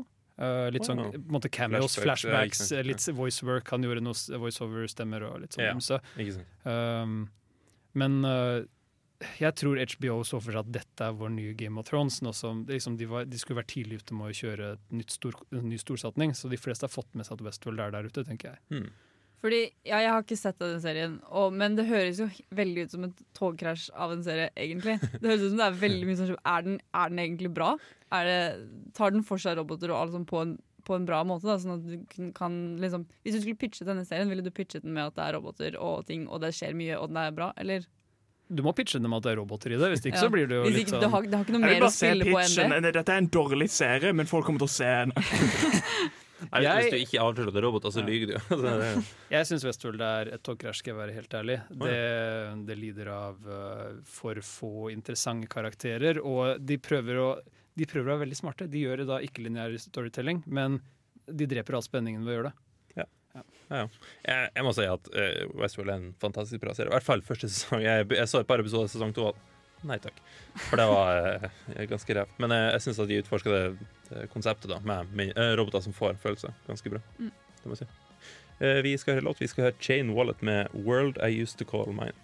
Nå skal vi snakke om eh, et av mine favoritteksempler på filmer som tar for seg det her temaet. Så Jenny, kan ikke du introdusere filmen Ja. Eks-makina for oss? Eksmaken, da. Fordi sånn, med Westworld, da, så tar den Jeg føler Jeg, jeg har ikke sett den, men jeg føler den tar mer for seg da eh, kunstig, kunstig intelligens og roboter, og hva de kan få til, eller hva de kan gjøre. Mens med Eksmakena er det da de begynner å gå inn med hva roboter faktisk er, eller hva kunstig intelligens, kunstig intelligens kan gjøre da, med en person og med liksom, omgivelsene sine rundt seg. For den filmen tar da for seg eh, en mann, Caleb, som eh, kommer, vinner en konkurranse eh, om å tilbringe en, u tilbringe en uke sammen med, med Hva er det? Ja, han er lederen for eh, Facebook. Ja. Han, den heter Birdbook eller noe sånt. ja. Men det er ganske åpenbart at det er Facebook det er snakk om. Og så kommer han til da det Mark hytten, eller, Zuckerberg. Ja. denne hytten, eller det, den veldig, veldig øde huset da, ute i ingen steder. Hvor det viser seg Filma i Norge. at det er, Ja, det er den også. Uh, det viser seg at det er da en robot eller kunstig intelligens, uh, AI, et eller annet, som bor der, da, og det er en slags test som foregår, og så begynner han å synes synd på, veldig på, denne, på dette vesenet da, og prøver å hjelpe den og alt mulig sånn. Hele denne filmen handler, kan egentlig summes ned til ett konsept, og det er third Turdinger-testen. Som er, Turing-testen, som er den aller første som både oppfant et sånt PC-program da, eller dataprogram nesten. Eh, En, kode, en kodeløser. Mm. og det er at kan mennesker få følelser for datamaskiner selv om de vet det er en datamaskin? Uh, ja, nei, uh, altså Turing-testen er uh, dersom du eh, Jeg tror det blir eksemplifisert med at eh, det er en lapp som blir dytta under ei dør, og du vet ikke hvem som skriver lappen. Men dersom du har en datamaskin som er avansert nok, så, avansert nok, så kan en datamaskin skrive den lappen og gi den til deg, og du kommer ikke til å mistenke at det er en datamaskin. Da har den maskinen bestått Turing-testen. Og det er, en sånn Det- det er veldig spennende hele den filmen hvordan den tar for seg den her at Å, det gjør det jo enda vanskeligere. Derfor sagt om at han Ja. får vite at det er en maskin hele Ja, det er tida. nettopp det. Det er, altså, det er en eh, Blue Book eller Bird Book eller hva det heter eh, det han presenterer for ham, da, er en, en videreføring av Turing-testen. At uh, du skaffer få vite at det er en robot, så skal vi se om du får følelsen for roboten. Ikke sant? Ja. For det er uh, Caleb-karakteren, spilt av Donald Gleeson, med ned der. Mm. Han uh, kommer dit og får på en måte beskjed om at han skal se dette robotprosjektet som uh, Buff Mark Zuckerberg har jobba på. Mm. Men han, eh, han får også beskjed om at det skal liksom Det kommer til å bli foretatt en slags Turing-test, mener jeg, men han får egentlig ikke helt vite hva greia er, så du kan aldri, han kan aldri stole 100% på mannen han på en måte er gjest hos, og roboten. Jeg føler det er en veldig spennende utfordring av hva er AI, hva er tanke... Vel, egentlig nesten mer Du kan nesten argumentere om at filmen er hva er å være menneske, hva er identitet, det er like mye viktig Ja, som det er data. Og det, det, du føles litt ut som du går inn til Frankenstein og låser døra, og, og følger med mens han skaper da Adam eller The Frankenstein Monster. Og du får den følelsen av sånn Hvem er det egentlig jeg skal holde med? Hvem er god? Hvem er ond?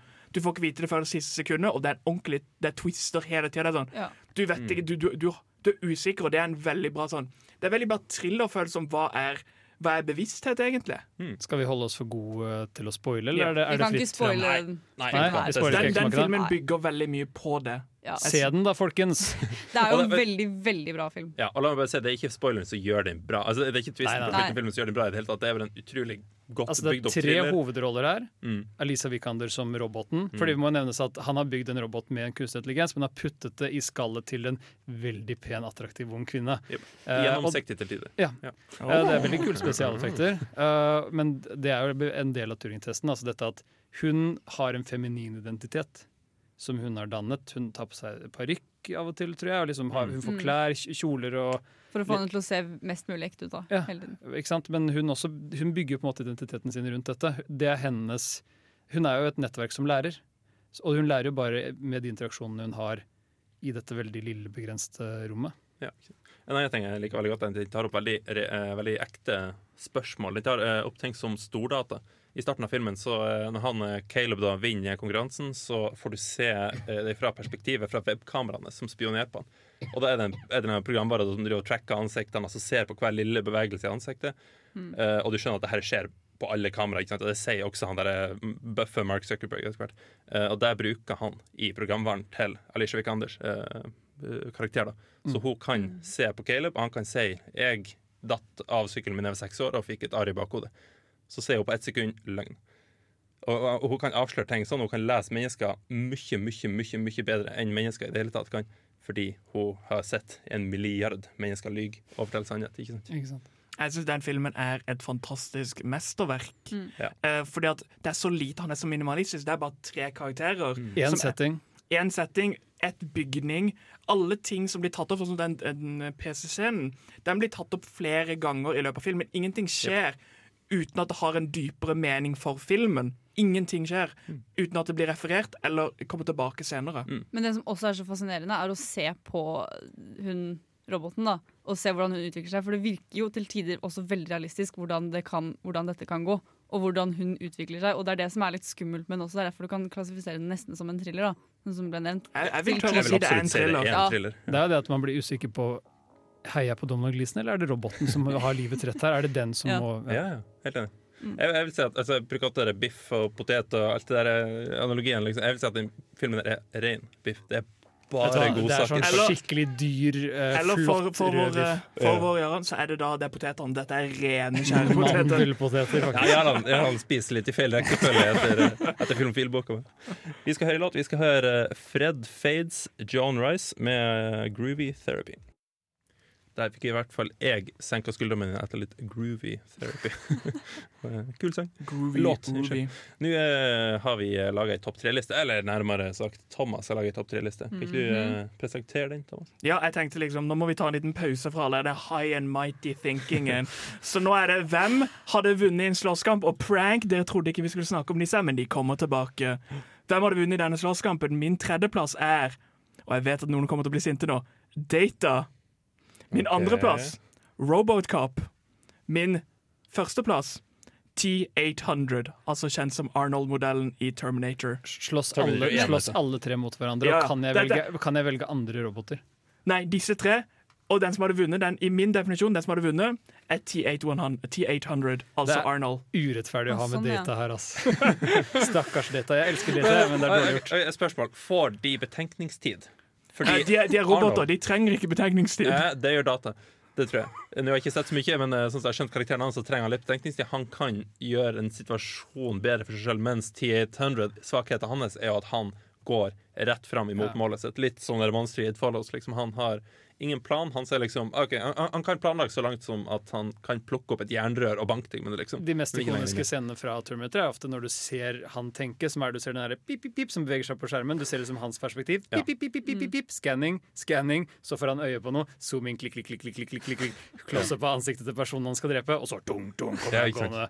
Et sjokkert ansikt ja. i grønt og svart. Wow. han Og jeg tror han han hadde gått og bare slått ned data. Jeg tror data hadde fått en ordentlig ass-whooping av Arnold. Hvis, hvis data hadde hatt tilgang på litt utstyr, så kunne han nok fint ha eh, lagd en form for innretning eller en felle, men eh, i ren fysisk styrke, hvis det er de to i en boksering, eh, så tror jeg data Men Robocop er det her også. Eh, Og de blir, både, de blir teleportert ned på den øde øyen alene Ja. med det som både er det som er de. Det er litt, litt juks med en cyborg. Robocop er en cyborg. Ja, det, det synes jeg Han passer ikke helt inn her, men vi lar det gå. Siden det topp til liksom. Men jeg, vil si at, jeg vil si at Robocop er en sånn uheldig plass imellom de her to. Han har svakhetene til begge to, men ingen av styrkene. Så han hadde kanskje dødd først, da, og så hadde Data Ja, absolutt. Heller Det vil jeg si. Men forskjellen er at han her har jo innebygd våpen. Det har ingen av de andre. Eller Terminator er et innebygd våpen. Han er et våpen. Jeg, selv, han kan tror, bare hive seg jeg tror Robocop ganske lett kan skyte i stykker jernskallen til T800. Oh, ja, tror det? tror jeg. Det tror jeg. Han er utrolig god på å skyte, som vi har sett i Robocop-filmene. Uh, han skyter jo mellom bena på en kvinne med utrolig god presisjon i den første Robocop-filmen. En utrolig, veldig, veldig god scene. Uh, Men jeg er- liker Robocop, og jeg tror Robocop Ja. fint kan, uh, før Arnold rekker å gjøre noe særlig, hvis han har pistolen sin med seg, så heier jeg nok litt mer på Robocop, egentlig. For det virka så bra forrige gang de prøvde å skyte Turbinators. Det går jo til slutt, gjør ikke det? Han har en veldig veldig kraftig pistol. Men hvordan var settingen? Du, var det en øde øy du sa? De blir dumpa på denne øde øyen Ja. som dere sitter med hver deres Transformers-film på. Throwback. Fordi Hvis det er liksom den sterkeste, da, så kunne jo bare Arnold bare tatt en svær palme og bare Ja, men du skal, Det er det robotversjonene, og Data er ganske sterk i forhold til uh, vanlige Data folk. er veldig veldig sterk. Han løfter uh, Ja, kunne- mennesker og ting med, med bare henda som det ikke var noen ting. Så Mm. Han er også veldig rask. Jeg løfter Eh, også ting med hendene. ja, men du, du løfter liksom ikke tre folk opp med, i en bevegelse. Du vet ikke hva Thomas gjør på fritiden? Det er det jeg gjør når den Er, sendingen er, er er du egentlig en maskin, Thomas? Eh, Halvveis. Nå er både Henning og Thomas maskiner? eller? Jeg er bare en sexmaskin. Oi. Nei, du, eh, det, du gjør det vanskelig. Det gjør det. Eh, Jeg, jeg visste ikke at Data var så sterk og så rask. Og sånn. jeg trodde han var en eh, kunne De downplayer vel det ganske mye i Star Trek. For det er, Men det er der fordi Star Trek er ikke et actionshow. Okay. Star Trek Discovery. Eh, jeg vil gjerne prate mer om Data, men jeg tror Robocop vinner. Jeg er på Robocop. Okay. Jeg tror i hvert fall han slår Data. Og så jeg tror, jeg tror Terminator kommer, komme seirende ut av det hele. Så jeg hadde riktig med min liste. Nei, Terminator. Robocop, Robocop nederst, og så Data, og Ok, så. Terminator. Robocop nederst. Jeg tror, ja, jeg tror Robocop kommer an på om de andre får dekning eller ikke. Om de finner, liksom, om de finner en eh, stor stein, liksom, så kan de løfte den opp og bare bære den foran seg. For i så fall kan ikke Robocop gjøre noe særlig. Han kan, Han er jo veldig sterk, og Robocop er veldig veldig sterk. Ja, og sant, men Robocop har, har en planleggingsevne som T800 ikke har. Godt poeng. Mm. Hm. OK, hvis de er uten våpen, da. Da vinner T800, tror jeg ikke? Hvis de skal bare slåss med never, Ja. så taper i hvert fall Data. Ja, det tror jeg. Jeg tror, jeg tror, jeg tror Data er på tredjeplass på alle sine jeg kan lister. se for meg data bare går gå baklengs. vi må bestemme oss. We can talk about it. Prøve å komme i en debatt. Vi er bestemme oss. Jenny, hvem velger du? Hvem vinner? Jeg tror Terminator vinner. Data beamer seg opp og vinner derfor by default. Spreng planeten. ja. Thomas? Nei, Ja, det, det sa du. Stemmer. Ah, OK, Robocop. Du argumenterer godt. Robocop, ass. Ja. Han er ikke så verst. Vi skal høre låt. Vi skal høre Kjartan Lauritzen med 'La meg være i fred'. For et program i burra med både klasse og stil. Du hører på Filmofil. Jeg føler at vi er innom veldig mange av favorittene mine i sending her, og det er litt fordi jeg liker sci-fi, jeg liker litt sånn filosofiske spørsmål i filmer og sånn. Og her er nok en sånn favoritt, nemlig Her. Jarand, kan ikke du fortelle oss litt om den? Om det er en favoritt? Jeg, tror, jeg, er jeg tipper dette er en filmofil favoritt over hele linja. Ja. Filmen Her om, uh, om en mann spilt av Jacqueline Phoenix som lever i en fremtid veldig veldig lik vår uh, hvis den var designet av Apple. Og hipstere. Uh, og hipstere. Er- som, ass. som får eh, en slags sånn personlig digital assistent à la Siri, Alexa. Eh, som er en full AI. Lærer, stiller spørsmål akkurat som et barn. Hvorfor er himmelen sånn? Hvordan smaker sjokolade? Mm. Og han er på et litt uh, kjedelig sted i livet sitt, men han lærer på en måte å se verden på nytt takket være AI-en, og tror du ikke de forelsker seg. Og det er Scarlett Johansson som har den stemmen. Og du kan si hva du vil om Scarlett Johansson, men for en stemme. Ja, absolutt. Jeg, jeg vil ikke sette noen andre i den rollen. der, for å si det Du sånn. ville ikke hørt noen andre? Nettopp. Hørt, ja. Så- Nei. Men det er, et, det er en spennende tilnærming på hva stille- AI kan være. Fordi det kommer veldig nært det vi har i dag. Jeg har Siri på telefonen min, Mm. og jeg har spurt Siri flere ganger om vi skal bli sammen. Og det er, liksom, jeg får ikke det samme svaret. Jeg kan ikke, Siri kan ikke snakke skittent til meg, sånn som Scarlett Johansson Ja, i, i, uh, i Her. Og lykke til å få en prostituert som kan spille Siri og ha sex med deg. Ja, jeg vet ikke men jeg, egentlig ikke om jeg trenger det. Det fins allerede nettsider her, da. Eh, jeg synes den tar for seg veldig mye sånn seriøse, moderne, aktuelle tema. For den er to-tre år gammel. 2014? Ja, det sånn, sånt. fem år. Ja, den begynner å bli gammel. Men jeg føler den traff liksom akkurat perfekt, for den traff liksom veldig rett før Siri og denne Voice og Alexa alt dette kom. Men den traff for seg veldig mye den der ensomheten folk er, den der åpnings, en av åpningsscenene. Når han bare sånn ringer noen fra VoiceX, og hun bare 'Choke me with a bunny! Choke me with a bunny!' Og det er bare sånn What? og det er, så bare sånn, Du sitter der bare sånn det er litt sånn samfunnet har blitt. Det har blitt så ekstremt og så kaldt, og vi føler vi har connections, men vi har ikke. At det, han blir jo på en måte sett på sånn spørsmålstegn om hvordan du At du faktisk klarer å få følelser for noe, for det føles så ekte. Ja, det, er det, det, det verste er at man kjenner seg litt På en måte ikke kjenner seg igjen, da, men man kunne sett at? Nei, det er ikke dette man, man, liksom, man ser på det, og så tenker man i en fremtid da, hvor dette her var hverdagen vår, hvor ville ikke vi også tydd til de samme nivåene Eller ikke de samme nivåene, men vi også hadde kanskje blått Sånn som hun ene i filmen, da, får jo en bestevenn i denne roboten, eh, stemmen som snakker til henne. Mm. Det kunne fint vært en virkelighet for oss, det. Tematikken, uh, tematikken ligger der fra starten av. Han, han skriver personlige brev på Ja, vegne av ja. andre. Så han jobber liksom som en forfatter, og han skriver sånn han skriver lange, flotte brev. Så ikke bare sånn der, eh, 'takk for gaven, hilsen Mark og, og Lars', liksom. Eller hva søren. men Han har er med liksom detaljer om liksom, Ja, sånn, ja. som er knokket litt. Og, Og det er jo det at vi, vi har bare gitt veldig mye av den personlige øh, altså, interaksjonen og bindingen. Mm. Den sosiale bindingen har blitt veldig digitalisert. Mm. Og mange er litt sånn, som du sier, disconnecta, frakobla, og det er nesten naturlig at når du får noe så nært på deg som denne Her-roboten gjør For det er da alle begynner å bruke disse AI-ene etter hvert, og noen skjønner ikke helt greia, men det er flere som havner i for forhold eh, i filmen med AI-ene, og de har det Altså, det er jo som å ha liksom en sånn De har en sånn eh, De higer mer etter livet, disse robotene, enn eh, de menneskelige karakterene, egentlig. Ja. Det, eh, det du var inne på, det føler jeg en veldig eh, Noe jeg ser opp til en film. Det er en veldig, veldig bra måte å gjøre det på. At de, den, det yrket han har. Ikke sant? For det, du spør deg selv spørsmålet nesten automatisk om hva er mer ekte, egentlig, av en sånn robot som føler eh, Eller tilsynelatende føler Du har ikke noen måte å, vite at den ikke føler, i hvert fall. Eh, det Nei. føles veldig ekte. Og sånn Og en person som skriver et brev på vegne av deg til noen du er glad i. Og den personen som skriver brevet, har aldri møtt verken deg eller den personen. Du har bare gitt den personen informasjon. Ikke sant? Ja. Hva er mer ekte enn det? Ikke sant? Så på den måten så overbeviser filmen deg om at uh, de her robotene er faktisk mer ekte uh, enn noe av uh, måten vi interagerer. Ja, det Ja, kalles. det kan jeg si. Ja. Jeg syns også filmen gjør det på en veldig fin måte som ikke er, Det er liksom ikke judgy på noen sider. Den, den forsvarer begge ståstedene. Ja, Janko Phoenix blir ikke fremstilt som en pervo. Det er ikke- det er ikke noe weird, og det er Han er jævla god til det. Det er kjempefine brev han skriver. Å, jeg, nå trodde jeg Nå trodde jeg du mente at han var veldig flink til å spille pervo. Men han er flink til å spille raringer er. Altså, Jacqueline Phoenix for en mann, for en skuespiller. Å gud, ja. Han er fantastisk. Absolutt. Mm. Men en annen ting, da. Eh, sånn som Den filmen her minte meg veldig om en episode av Black Mirror. Jeg vet ikke om dere har sett den, men det er en annen dystopisk Det er mer dystopisk, da, fordi Her er mer bare sånn Her er dette. Dette kan bli fremtiden. Tenker du på dem eh, når eh, de lager en Jessica sosial media Chastain eller et Å nei, eller du tenker på sånt. den, du. Eller et eller annet sånt, nå, så har de en Mm. sånn sosial mediegreie som de driver og bærer rundt på. Det er, men det blir mer teknologisk utvikling, da.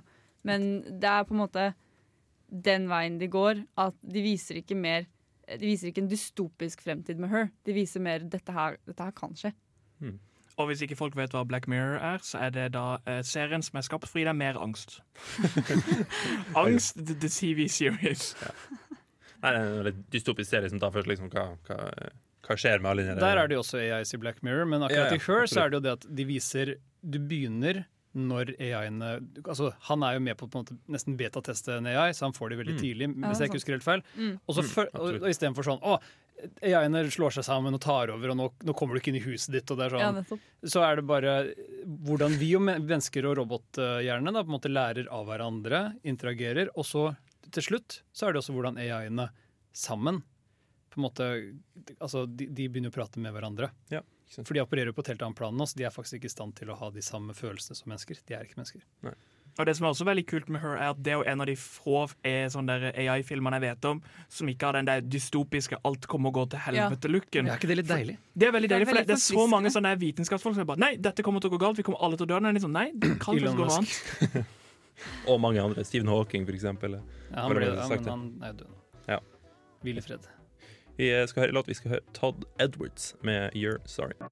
Der hørte vi altså uh, skal vi se, Todd Edwards med 'You're Sorry'. For en avslutning. Ja. No, you're Eh, sorry. Eh, Jenny, eh, du skal presentere et nytt tema for oss. Ja, fordi vi har jo nå snakket om ganske mye sånn bra eh, AI, og hvordan de fremstår i filmer som en stort poeng i filmen, da. Men i populærfilm, da, nå til, nå til dags, så ser vi også mye eksempler på litt mer dårlig bruk av det, hvor det bare er der. Som for eksempel da, som i Winter Soldier og Mm. Age of Ultron og sånne ting, da. Captain America Winter Soldier. Ja, Captain America. Ja. Hvor det da er mer de bare, de bare er der, og så er det liksom bare sånn Ja, her er, her er kunstig intelligens. Dette er bare noe vi må akseptere nå, liksom. Mm. Disneys Marvels, Captain America, Winter Soldier. For å være helt presis.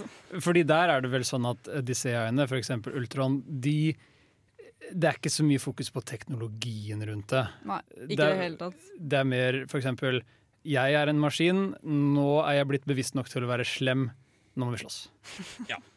Det er et stort problem når sci-fi, som er en sjanger ment for å gå for dypdykk i konsepter, bare blir brukt som, som flashy ting. Og det er det jeg føler det blir gjort mye i disse filmene. Mm. Er at AI er noe vi syns er skummelt, men det virker litt som du har lest Du har skrevet filmen basert på headlinen i New York-artikkelen, liksom. Du, har ikke, du, har ikke engang, du har ikke engang gått inn og lest liksom previewen. Du har bare sånn der AI, skummelt, internett. Hmm. De har funnet ut at dette er noe folk liker, og så bare prøver de å putte det inn der de kan putte det inn, egentlig. Og dytter den inn hvor de kan. Ja. Jeg føler veldig ofte, jeg vet om dere føler dette, men det er sånn at disse slemme AI-ene i litt sånn i Captain America, og, eller i Ultron spesielt, da, men også i andre litt mer sånn eh, Transcendence og alle disse populære filmene, så er det ofte Det kommer ofte en, et øyeblikk hvor AI-en sier sånn jeg har simulert alle muligheter. Jeg har sett alt som kan skje. Menneskene må dø. Ja, Ja, jeg føler også et av problemene er det at mange av disse filmene bryr seg ikke om intelligensen til de som ser på. For, for i teater så er det noe som heter fiksjonskontrakten. Jeg vet ikke om dere vet om det, og det er også i film. Fiksjonskontrakten betyr bare så enkelt som at dette er en fantasy-univers. Vi er enige om at alvor lever, men jeg har establisha disse reglene. Disse reglene skal jeg følge, og det er de reglene. Hvis jeg bryter disse reglene, da gjør jeg det feil. Men vi er enige om at dette er ikke virkeligheten. Men de behandler det på en sånn måte nei, nei, du er for dum til å skjønne når de bryter sine egne regler. Og når de er som dette er sittet i virkeligheten, så bryter de bare hele tiden den virkelighetskontrakten og behandler oss litt som vi idioter. Sånn, Transcended er jo en film som er bare sånn Denne gir ikke mening. Det er en film der Johnny Depp bare blir, liksom, blir omgjort til en PC, og så er det sånn Å ja, jeg er supersmart, jeg er gudska, liksom, jeg er superflink. Og det er sånn, Med to tastetrykk så vet du at denne filmen er ikke noe seriøs. For den filmen er ment å være en real threat, og bare leverer ikke. Ja, jeg, jeg, tror Transcendence er sånn erkeeksempel på hvordan man ikke gjør det. For, altså, eh, Winter Soldier det skjønner jeg litt hva de gikk etter. De tenkte at OK, det er sikkert noen 14-16-åringer som vet bitte litt om AI og tenker oi, hva om en slemming var inni en robot, og så oi, så er det gammel teknologi. Og det, Det er, de har gjort det samme som skjer i Transcendence, bare med eldre teknologi. Ja, det er jo det at en gal vitenskapsmann laster seg selv opp i en datamaskin. Ja, det er nettopp det. Men uh, forskjellen her er at jeg hater meg Jeg vil si meg uenig med den påstanden, fordi at det som er tingen der, er at de sier De prøver aldri å forklare det. De er veldig sånn Nei, Dette er, nettopp, nettopp. dette er aksepter- liksom, Vi er enige, dette virker ikke, men det er en fyr som løper ut med et skjold og slår folk med våpen. Ja. De, de establisher fra begynnelsen at dette kommer ikke til å være virkeligheten, mens Transcended er sånn Nei, nei, dette er virkeligheten. Liksom, det er der problemet er. De bryter sin egen kontrakt med å påstå at vi, vi er i virkeligheten. Nettopp. Uh, altså, I Winter Soldier så bare kaster det på skjermen fordi underholdning. Og det Ja. kan, jeg, jeg, eh, jeg respekterer filmen på en måte for det. Jeg liker det ikke, selvfølgelig, men jeg liker ikke film i utgangspunktet. Så, men uh, i hvert fall Transcendence gjør et mye større poeng enn det. Og, og det tar en sånn veldig dårlig tolkning av tematikken da, og lager en hel film ut av det, og det gikk jo helt på trynet. Det er jo ikke ei sjel som liker den filmen. Altså, kanskje Johnny Depp gjør det, men jeg liker ikke han heller. så det er greit. Jeg tror ikke John Depp ser sin egen film lenger. Men uh, skal, vi, skal vi nevne Blade Runner-universet òg, eller er det relevant her? Det er jo, eh, det er jo nå nylig at det kom en Blade Runner-film. De, jeg vet ikke helt hvor disse, om disse androidene er AI-er, eller om de er dels biologiske, men det, det er jo en populær film hvor de, altså de lager kunstig intelligens. Uten tvil, siden menneskene ikke altså, Ja. eh, Androidene er ikke ekte fødte mennesker. Ja, fordi det de også gjør, da, er at de Det er der, men de forklarer det heller ikke godt nok, på en måte. Man skjønner liksom hva som er greia, og at de er en slags kunstig, kunstig intelligens, men de forklarer det aldri helt. Så jeg vil si den også havner litt under den her, da.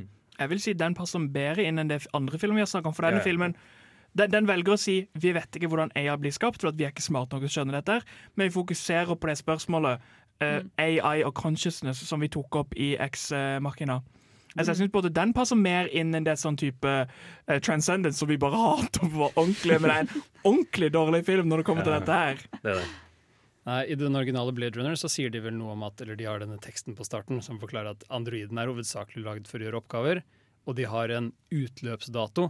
Fordi de er, de er rene Altså, de har autonomitet. De er systemer som er selvdrivende, og det er en sjanse for De sier vel ikke noe om hvordan det rent teknisk kan forekomme, men det er liksom en sjanse for at de etter hvert vil begynne å stille spørsmål fordi de lærer av omgivelsene rundt seg, Mm. og derfor har de en utløpsdato. I den nye Blade Runner-filmen så var Jared Leto så opptatt med å prate om symbolikk og, og mm, altså å bare bruke At han har sett Gud og greier. Ja, så der- der ble det helt borte. ja. Det, du kan egentlig klippe ut de scenene fra filmen. Den, eh, du har gjort filmen den- Jeg tror, jeg tror filmen vil bli bedre da. Men den siste filmen er jo bare et stort uh, liksom, Roger Deakins opus av oh, ja. pene bilder. Ja. Det er sånn Du kan skru av lyd når den filmen er like god, hvis ikke bedre. Mm, Nei, nei, nei, musikken var dritbra. Du kan skru av uh, lyr lyrikken, faktisk. Du kan skru av uh, snakkinga. Der er det jo en scene som minner om Her, fordi Ryan Gosling er jo forelsket i eh, eh, hologramkjæresten sin. ja, ja. Og hun hyrer jo en, en stripper som hun liksom legger seg Eller stripper, en, en prostituert som hun Akkurat som uh, AI-en i Her også hyrer en prostituert eller Mm. liksom en utenforstående person som skal være surrogat for kroppen og nærkontakten du ikke kan få når kjæresten din eh, bare fins Er i, liksom, i, ja. mm. Men når du gjør dette i et langdistanseforhold, da er det cheating. Plutselig så er det ikke greit. Jeg lå bare med under fordi jeg ikke kan være sammen med deg. Jeg hadde det på speaker. Jeg hadde et bilde av deg som liksom jeg så over henne. Det var, det var egentlig som å ligge med deg. Nei, uh, vi skal høre låt. Vi skal høre Fouls med 'Exits'. Jeg, jeg har noe å innrømme, og det er at i slutten av forrige sending så glemte jeg av å gi elevene leksa si. Eh, leksa Vi er en student. Ja, nei, jeg mente de som hører på. De er, okay, okay, de er elevene. Okay. Når vi er lærere, så er de elevene. Eh, det var eh, War Games-filmen. Eh, den eh, har jeg lyst til å Så hvis du hører på podkast nå, stopp den, og så kom tilbake. Når du har sett War Games. kan gjøre leksa eh, i klasserommet, rett og slett. Nei, men eh, ja. Anbefaler vi at folk, anbefaler vi at folk ser Beklager. Vent litt. Skal vi se.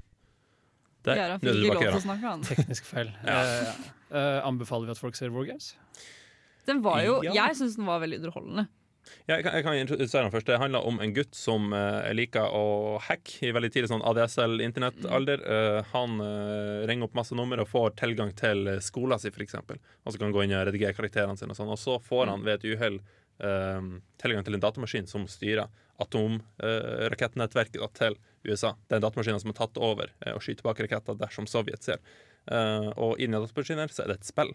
Og datamaskinen skjønner ikke forskjellen mellom spillet og virkeligheten. Så når eh, den ungen da spør om å få spill mot datamaskinen, så tror eh, datamaskinen at den må vinne spillet som er i virkeligheten. Ergo prøver den å starte en eh, atomkrig med Sovjetunionen. Eh, en, eh, jeg vil si at det er et interessant konsept. Eh, Det var kanskje ikke utført på den aller mest seriøse måten. Det var mer en artig film, men jeg syns også den tok for seg temaet på en grei måte. Ja, jeg vil jo spørre, Hvorfor valgte vi akkurat denne filmen når det kom til å snakke om AI? Jeg, jeg vil si at det er fordi den er ganske nært virkeligheten. Mm. Det vil jeg. Den er jo satt, eller Filmen er fra 80-tallet. Jeg husker ikke det eksakte året. Uh, så de har liksom, det er en veldig veldig ung Matthew Broderick i hovedrollen. Mm. Og han har, som du sa, disse, han bruker ADSL og modem om å ringe opp nummeret for å, for å komme på nett. Og for å liksom, han hacker via telefonlinjene. Eh, så det at de liksom det som er plottet er jo at militæret vil fjerne den menneskelige feilen ved å skyte opp atomraketter. Så de setter inn et dataprogram, en AI, som har blitt designa av en eller annen genial forsker. Men de var, de var geniale nok til å gi han tilgang til alle atomvåpnene. Ja, fordi Det er kanskje det svakeste med denne filmen, er at alle militærmennene er skrevet som de kommer fra en tegneseriefilm. Ja, vi, I i løpet av den filmen så klarte vi å sammenligne den med den generalen i South Park-filmen. Ja. så sett den, det er den mest sånn brølende, eh, breiskuldra, breikjeva, litt tjukk, går og spiser snacks hele tida og kjefter I want this done by the box', Sånn, ikke sant? Og kjefter og stoler ikke på teknologi og bla, bla. Og det er liksom konflikten i historien. Det blir litt sånn Litt svakt, men det er fortsatt ganske underholdende å se på. Men måten AI-en Whopper jobber på, den føler jeg er veldig troverdig. Ja, ja, ja, Rent teknisk så tror jeg den filmen her er gjort uh, veldig troverdig.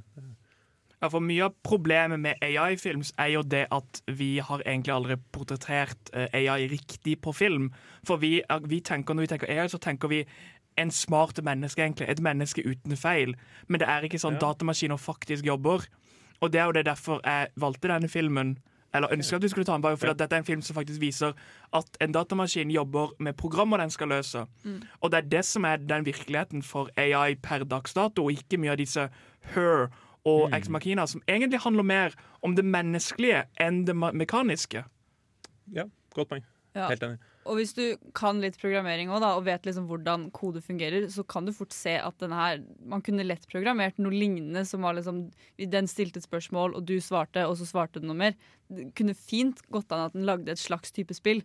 Og at den, Ikke at den hadde tatt kanskje det, det nivået den gjorde, men at den faktisk holdt på sånn som den gjør, er faktisk er ganske realistisk.